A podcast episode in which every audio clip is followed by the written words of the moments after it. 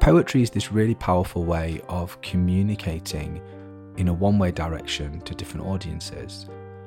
But poetry is also incredibly powerful, is a tool through which to develop two way dialogue, by which I mean creating opportunities for non scientists not just to find out about scientific research, but to help conduct and drive scientific research forward.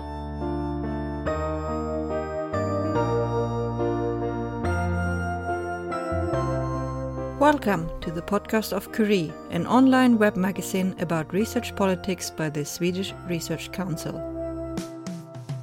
My name is Nathalie von der Leer, and in this episode, we have invited Sam Illingworth, Associate Professor in Academic Practice at the Edinburgh Napier University in Scotland, to tell us more about his work and view on science communication.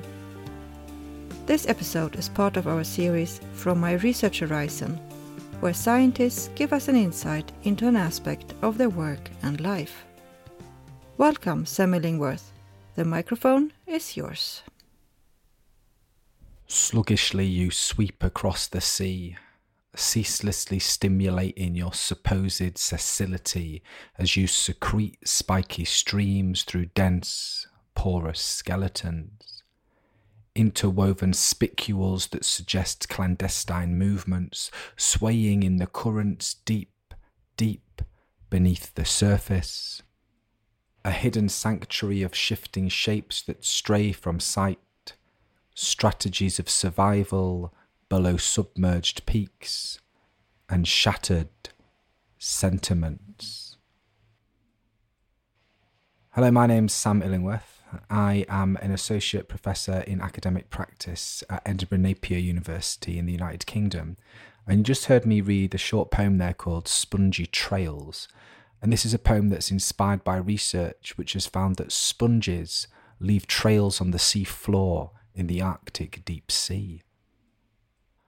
My work and research really revolve around developing dialogue between scientists and non scientists and in particular giving voice to those audiences that have been traditionally underheard and underserved by science and science communication. And one of the ways I do this is through poetry. And poetry is a really powerful way of communicating to different audiences. In communicating through a one way direction by reading a poem to different audiences, poetry is great because it helps to translate really interesting, important, bizarre, fun research into a language that's maybe more accessible or different to non scientific audiences. And every week I have my blog and podcast, The Poetry of Science, in which I read a scientific study and write a poem about it in a way to try and communicate that research to a non scientific audience. So, to give you an idea of how this works in practice, there was a recent piece of research published in Ecological Applications called Rapid Deforestation of a Coastal Landscape Driven by Sea Level Rise and Extreme Events. And the purpose of this research was basically it found that sea level rise is killing trees along the Atlantic coast in America, creating ghost forests that are visible from space. The land becomes oversaturated by the sea and the salt, which means that the, the trees can no longer live. And you know, ghost forests are these landscapes that form when salt water from the sea begins to flood woodland areas that contain freshwater dependent trees. So, this is really important research, but there's also something quite atmospheric, quite poetic about the concept of a ghost forest. And so I wrote this poem about it. Surging seas and weeping waves advance along your coast, probing buried channels as they break through the shore face to drag briny fingerprints across weathered limbs that recoil at the touch. Tainted tides swell with pickled poison as saline sap pours down your brackish bark below a crown of mottled grey that withers in the drink. Wisps of memories linger in brine, haunting faded shades of lost and broken greens.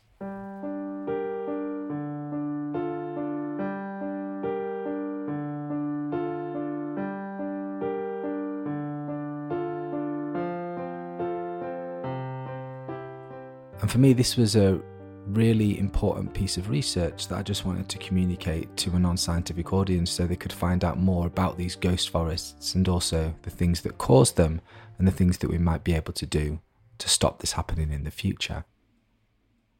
So, poetry is this really powerful way of communicating in a one way direction to different audiences. But poetry is also incredibly powerful, is a tool through which to develop two way dialogue, by which I mean creating opportunities for non scientists not just to find out about scientific research, but to help conduct and drive scientific research forward. So, a lot of the time when we do science, we do the scientific research, then we think about the impact afterwards. I actually think this is the wrong way round, and we should instead be thinking about the impact first. What matters to society? What about those voices that have been underserved and underheard? What do they need rather than what we assume they want? And then it's important to listen and work with those audiences to use that to help to drive scientific research and the, well, the search for fundamental scientific questions. However, when we bring together scientists and non scientists in a way to develop this dialogue, what often happens is we establish hierarchies of intellect. So, even though non scientists are actually experts in many facets of their professional and personal lives, sometimes when non scientists encounter scientists, they can feel as though there's a hierarchy of intellect of which they're at the bottom because they don't have 20 letters after their name or a research post or a professorship. However, we know that this isn't true. And what we need to do is we need to level these hierarchies. And poetry presents a powerful way of doing this for three reasons. One, it gives permission to the non scientists that what they have to say is worth listening to. No one can question a poem. Two, it gives permission to the scientists to display an element of pathos that they're not normally allowed to display. As a climate change researcher researching climate change, it's very hard to talk about it without getting angry or upset. But through science, we don't always have the medium that enables us to do this. Poetry does. And thirdly, writing poetry together is a powerful way to create shared sense and shared spaces of vulnerability. So if you see a learned professor stand up and read a very bad haiku, you kind of realize that maybe they're not the intellectual powerhouse that you assumed they were.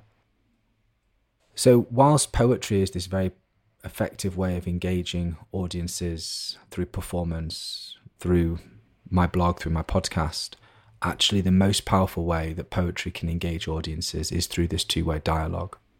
In creating a space through which scientists and non scientists can discuss ideas and ultimately come up with diverse solutions to global interdisciplinary wicked problems such as climate change. One of the other things I do with poetry is I help to set up a science and poetry journal called Consilience.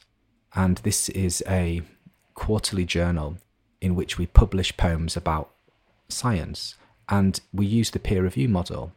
A lot of poetry journals either accept poems as being perfect or reject them as being imperfect with no halfway house.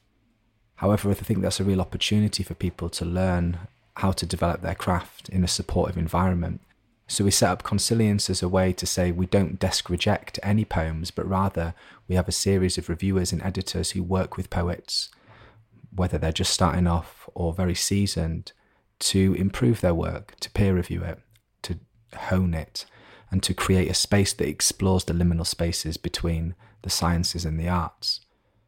Because one of the problems we have in society is that people like to pigeonhole others. You're a scientist, you're a poet, you're an artist.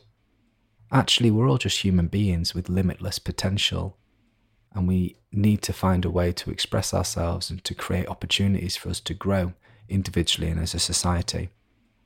And that's what Consilience enables us to do.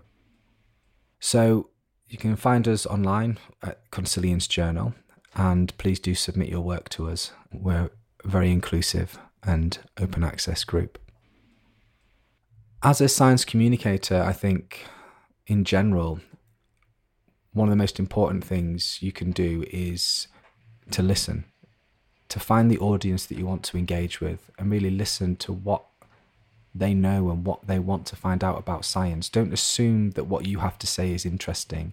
Don't assume that this audience don't know anything about your topic. Just go in and listen. And then develop your science communication initiatives according to what they want rather than according to what you assume they might need. Listening is a really powerful way of communication, and it also helps you to reframe and reconsider your own scientific ideologies and scientific ideas as well. So, for people who are interested in science communication, I'd encourage you to listen. I'd also encourage you to think about how you can engage different audiences through media which are suitable and appropriate for them. Does the audience that you're working with listen to podcasts? Are they interested in fitness? Do they like going to the theatre? What do they enjoy? What is the medium that they use? And then how can you develop your science communication activity to cater for that? Everything comes back to the audience. Just really listen to what they need and what they think. And the other thing is to say, don't go to the usual audiences it's really important to work with those audiences that have been traditionally underheard and underserved by science communication, not just because it's a diversity box that needs ticking, but because it's important to get a diversity of solutions. And if we're constantly going to the same people who look the same, who sound the same, who have the same advantages in life, then we're only going to get the same set of tired solutions. If instead we go to those audiences who, whose voice have not been heard, as well as benefiting them, we're ultimately going to help come up with diverse and interesting solutions to many of the scientific problems that we're going with. So, my top three tips for science communication would be listen to your audience, make sure that you're engaging audiences that aren't always engaged and use a medium that is appropriate for that audience in order to engage and communicate with them. Hopefully, in listening to this, you've also thought that poetry is an interesting and potentially effective way of engaging different audiences with science. And if you'd ever like to think about how to do this, I'm always interested in working and collaborating with people on how we can use poetry to truly diversify science. I'm just going to finish by sharing another poem, which is inspired by recent research which found that sperm whales shared behaviours to outmaneuver 19th century human hunters. So they actually learned through social evolution how to avoid those people that were hunting them with harpoons. And this poem is called Whaling Away. In the name of progress, we pour your honeyed ichor down the jagged throats of our unquenchable machines, launching broken vessels to coax you from the depths of your untroubled slumber.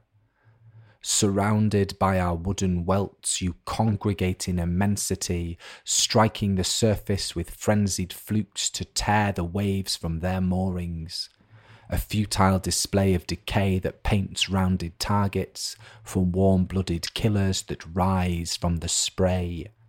Blooded, bruised, broken. You flee from your hubris to the undying night of the ocean's floor. Seeking comfort, you sing faded fado, mourning your loss for others to learn.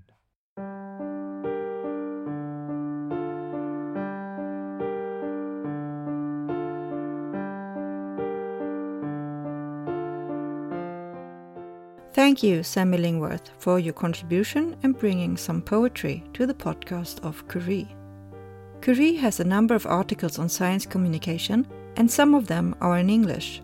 Visit our website tidningencurie.se to read more. Do you want to hear more science poetry by Sam Illingworth? Listen to his podcast, The Poetry of Science, or read his blog with the same name where you also can find the full text of the poems and the links to the scientific articles. If you like this episode of the podcast from Curie, please consider sharing it with your friends and colleagues. This podcast is available on SoundCloud, iTunes, Acast, and Spotify, and most podcast apps. My name is Nathalie von der Leer, and I would like to thank you for listening.